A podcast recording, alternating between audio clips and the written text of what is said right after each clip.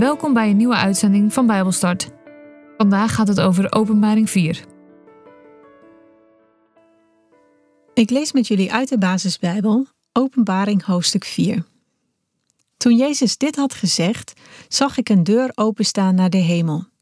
En de stem die ik hiervoor had gehoord, en die klonk als een ramshoorn, zei tegen mij: Kom naar boven, dan zal ik je laten zien wat er in de toekomst moet gaan gebeuren. Op hetzelfde moment werd mijn geest meegenomen. Ik zag een troon in de hemel. Op die troon zat iemand die leek op een jaspis of een sardius. Over de troon heen stond een regenboog, groen als een smaragd. Rondom de troon stonden nog 24 andere tronen. Op elke troon zat een gemeenteleider.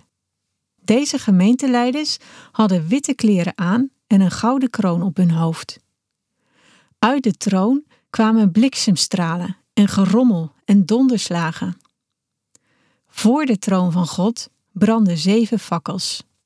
Dat zijn de zeven geesten van God. En voor de troon lag iets dat leek op een zee van glas, zo helder als kristal. Midden op de troon en rondom de troon waren vier wezens.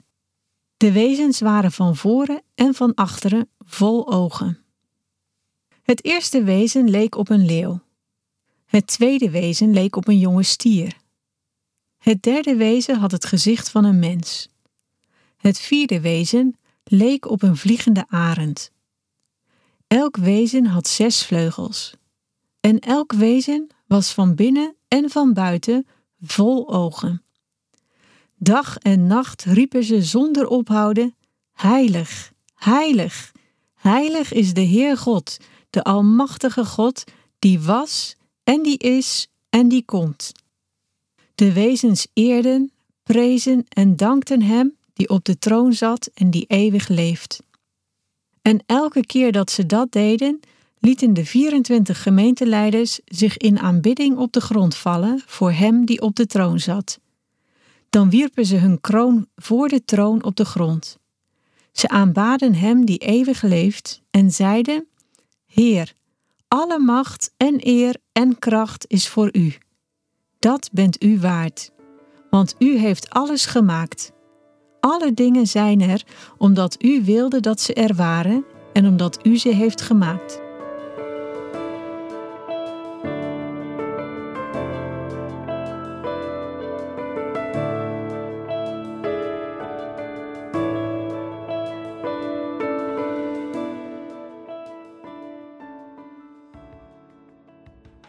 Belangrijk om te beseffen dat er nu een nieuw gedeelte is aangebroken van het boek Openbaring.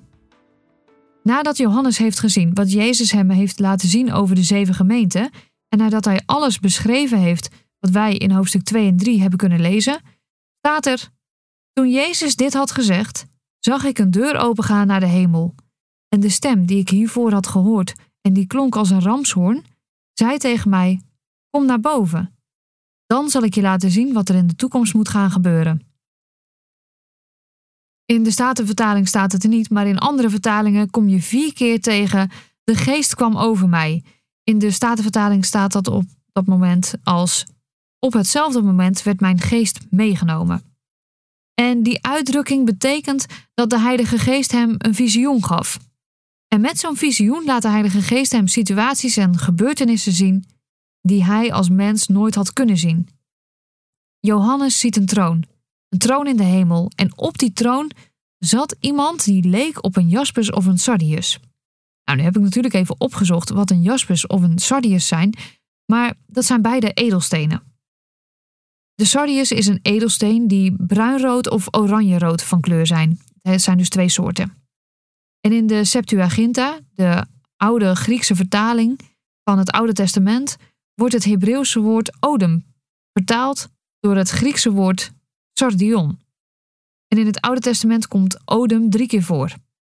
De Statenvertaling heeft het vertaald door sardis en de herziende Statenvertaling heeft het vertaald als robijn. De jaspis is ook een edelsteen en wordt in verschillende kleuren gevonden, waaronder groen, rood en geel. En de steen is niet egaal van kleur, maar het wordt gekenmerkt door stippen of zelfs strepen. En de jaspers, bedoeld in de Bijbel, heeft waarschijnlijk een groene kleur. Jaspers is een hele kostbare steen. Voor een geslepen stuk, wat je in sieraden gebruikt, van ongeveer 15 bij 15 millimeter, wordt al snel meer dan 15 euro betaald. Millimeter gaat het om. Dus anderhalve centimeter bij anderhalve centimeter kost zo'n 15 euro. Complete muren van jaspers, zoals het Nieuw Jeruzalem heeft, wat je in Openbaring 21 kunt lezen, zijn dan ook voor mensen echt onbetaalbaar. Jaspers is ook zacht. Het is een zachte mineraalsoort. Ongeveer 15 keer zachter dan diamant en dus kan het heel makkelijk geslepen en gepolijst worden. En de steen jaspers komt voor in het Oude en het Nieuwe Testament. Helaas kloppen de namen van edelstenen in de oudheid niet altijd met ja, de tegenwoordig gebruikte namen. Tegenwoordig verwijst jaspers naar een ondoorzichtige en niet bijzonder kostbare edelsteen, terwijl er in de oudheid juist een hele kostbare steen mee bedoeld werd. Of met jaspers in de Bijbel diamant bedoeld wordt, is dus niet zeker. In Exodus 28 en 39 wordt jaspers genoemd als de steen in de vierde rij op de borstlap van de hoogpriester. En hier in Openbaring 4, vers 3 ziet Johannes dat diegene die op de troon zit leek op een jaspers of een sardius. In Openbaring 21 wordt jaspers nog een keer gebruikt om de schoonheid van het nieuwe Jeruzalem te schetsen.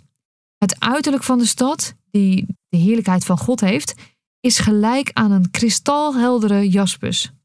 Dat staat in vers 11. En de muren zijn gemaakt van jaspers. Vers 18. En het eerste van de twaalf fundamenten van de muur is versierd met jaspers. Vers 19. Het is niet zomaar een edelsteentje. Het is iets bijzonders. Nou, in het derde vers lezen we over die edelstenen, maar we lezen ook over een regenboog. Johannes ziet beelden die God hem laat zien en koppelt ze aan natuurverschijnselen die wij ook allemaal herkennen. Edelstenen en een regenboog, groen als een smaragd. Edelstenen weerspiegelen op verschillende kleurrijke manieren het licht van de zon. En ze worden in Openbaring 21, vers 19 gebruikt om de heerlijkheid van God in het Nieuw Jeruzalem te omschrijven. In Exodus lezen we over twaalf edelstenen die op het borstschild van de hoge priester zitten. En van die kostbare edelstenen op het borstschild wordt jaspers als laatste genoemd en de sardiussteen als eerste. De regenboog is een symbool van het trouwe verbond van God met de aarde. Hij herinnert eraan dat de zondvloed de aarde heeft vernietigd en het feit dat God nooit meer op deze manier zoiets zou doen. En ook wijst dit symbool erop dat Gods oordelen een grens hebben en dat Hij te midden van het oordeel ook aan ontferming en barmhartigheid denkt.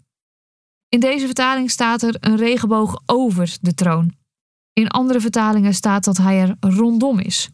En een regenboog rondom de troon wil zeggen dat het niet een halve, maar een hele gesloten cirkel is. En het mooie van een cirkel is dat er geen begin en geen einde is. Oftewel, aan Gods goedheid is geen begin en geen eind. Het blijft altijd. De regenboog als een smaragd, ja, de kleur van een smaragd is groen. En groen is ook een kenmerkende kleur van de schepping. Groen geeft vooral associatie met nieuw leven, jong, fris, vers. En verder ook met prilheid en natuurlijkheid. En het is de kleur van hoop en vrede. En dit is de kleur van de regenboog die Johannes in de hemel ziet. Terwijl het oordeel over de wereld en het kwaad wordt aangekondigd, blijft rondom de troon van God de herinnering aan Gods genade en zijn belofte aan en over de schepping. In het vierde vers gaat het over 24 tronen rondom de troon van God. Op die tronen zitten 24 ouderlingen of gemeenteleiders. Wie zijn die 24 mensen? Nou, daar zijn de meningen wel een beetje over verdeeld. Aan de ene kant denkt men aan de twaalf stammen van Israël en de twaalf apostelen. Aan de andere kant wordt daar weer aan getwijfeld, omdat Johannes een van de apostelen is op dat moment, maar hij leeft op dat moment nog. En misschien anderen ook nog wel. En daarom denken andere mensen weer dat er misschien nou ja, meer connectie zit met de tabernakeldienst. Want die was namelijk in 24 orden verdeeld. En op die manier waren er dus 24 voorgangers voor de hele Israëlitische kerk. Dat kun je teruglezen in 1 Kronieken 24. Ook kun je denken aan 24 engelen die plaatsgenomen hebben op de tronen. En als het engelen zijn, dan zijn zij degene die lofliederen zingen voor Gods troon. In Openbaring 5, vers 9 komen we dat namelijk ook tegen. Hoe het ook zij, ze dragen witte kleren en hebben een gouden kroon. Wit staat voor reinheid, puurheid. Het getal 24 komt in openbaringen niet verder voor. Dus het heeft misschien niet een hele bijzondere betekenis, maar deze 24 leiders laten zich elke keer op de grond vallen in aanbidding voor hem die op de troon zat. En ze werpen hun kroon voor de troon op de grond. Ze aanbidden hem, hem die eeuwig leeft, en ze zeggen: Heer, alle macht en eer en kracht is voor u. Dat bent u waard, want u heeft alles gemaakt. Alle dingen die er nu zijn, zijn er omdat u wilde dat ze er waren en omdat u ze heeft gemaakt. In vers 5 benoemt Johannes opnieuw een natuurverschijnsel, namelijk bliksemstralen en donderslagen. In openbaring houdt donder en bliksem vaak verband met belangrijke gebeurtenissen in de hemel. Het herinnert ons aan de donder en bliksem op de berg Sinaï, toen God zijn volk de wetten gaf. Dat kun je lezen in Exodus 19. En in het Oude Testament wordt donder en bliksem vaak gebruikt om Gods macht en majesteit aan te geven. Ook gaat het in dit vers over zeven fakkels die voor de troon van God branden.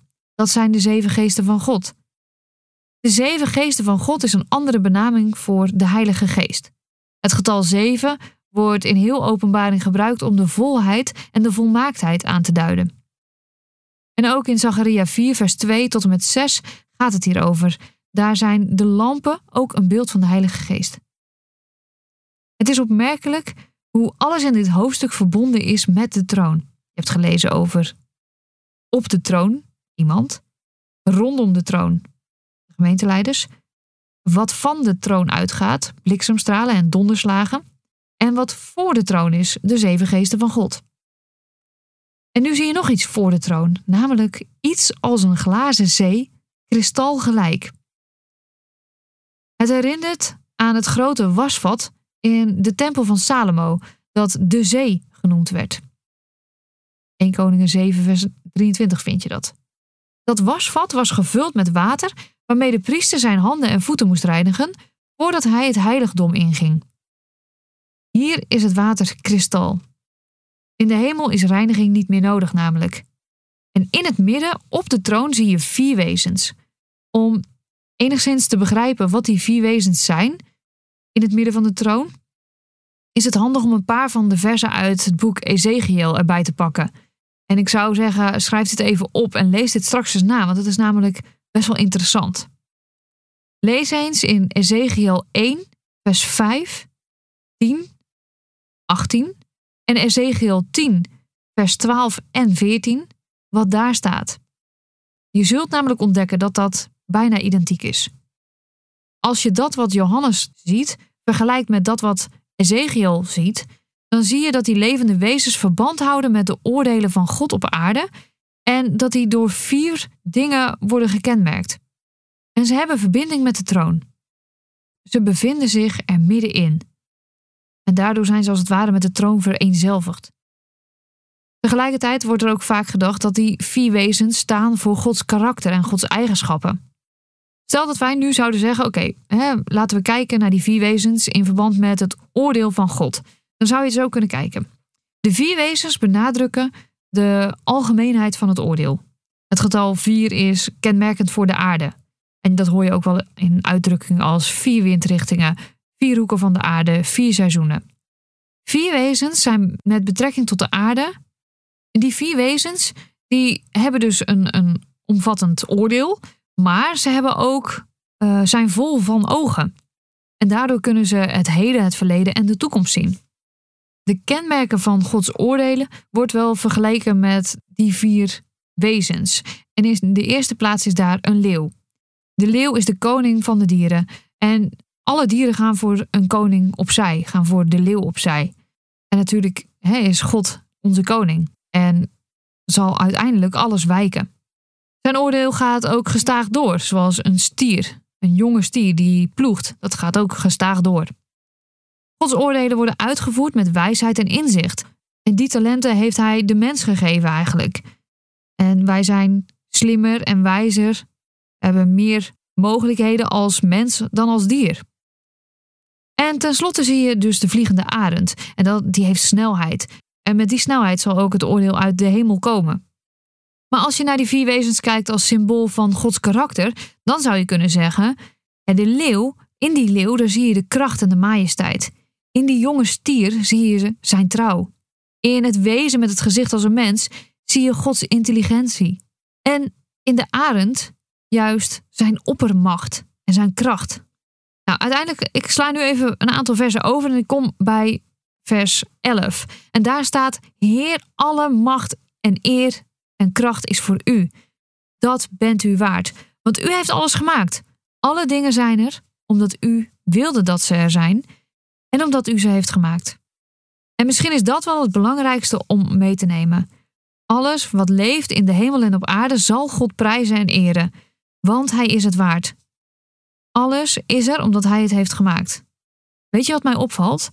Als ik dit zo lees, dan denk ik: oh, wat is alles lekker gestructureerd. Als je hier op aarde om je heen kijkt, dan zien we chaos, tenminste, ik wel. Ik zie tweedeling, ik zie angst, ik zie ruzies en oorlogen. Ik zie machtsmisbruik, slavenhandel, gedwongen prostitutie, kinderarbeid, uitbuiting. Er is een enorme kloof tussen rijk en arm. En hier en daar is er ook een enorme kloof tussen jong en oud. Daar zou je van kunnen schrikken als je daarnaar kijkt. Maar weet je, God heeft de touwtjes in handen. In de hemel gebeurt er van alles. En dat wat wij daarvan zien, hè, wat wij nu als inkijkje door Johannes heen hebben mogen zien, dan lijkt het best wel geordend. Het lijkt misschien nog heel erg vaag, omdat het ons kan overweldigen, omdat het zoveel informatie en zoveel beeldspraak is. Maar er is daar geen chaos. Wat een heerlijkheid. God is het waard om alle macht en eer te ontvangen, want Hij heeft alles gemaakt. Hij heeft alle touwtjes in handen. Wat we ook nog gaan lezen in die boekrol, die het lam gaat openmaken, God weet ervan. Hij weet dat en wat er gaat komen. En hij houdt de wereld in zijn hand.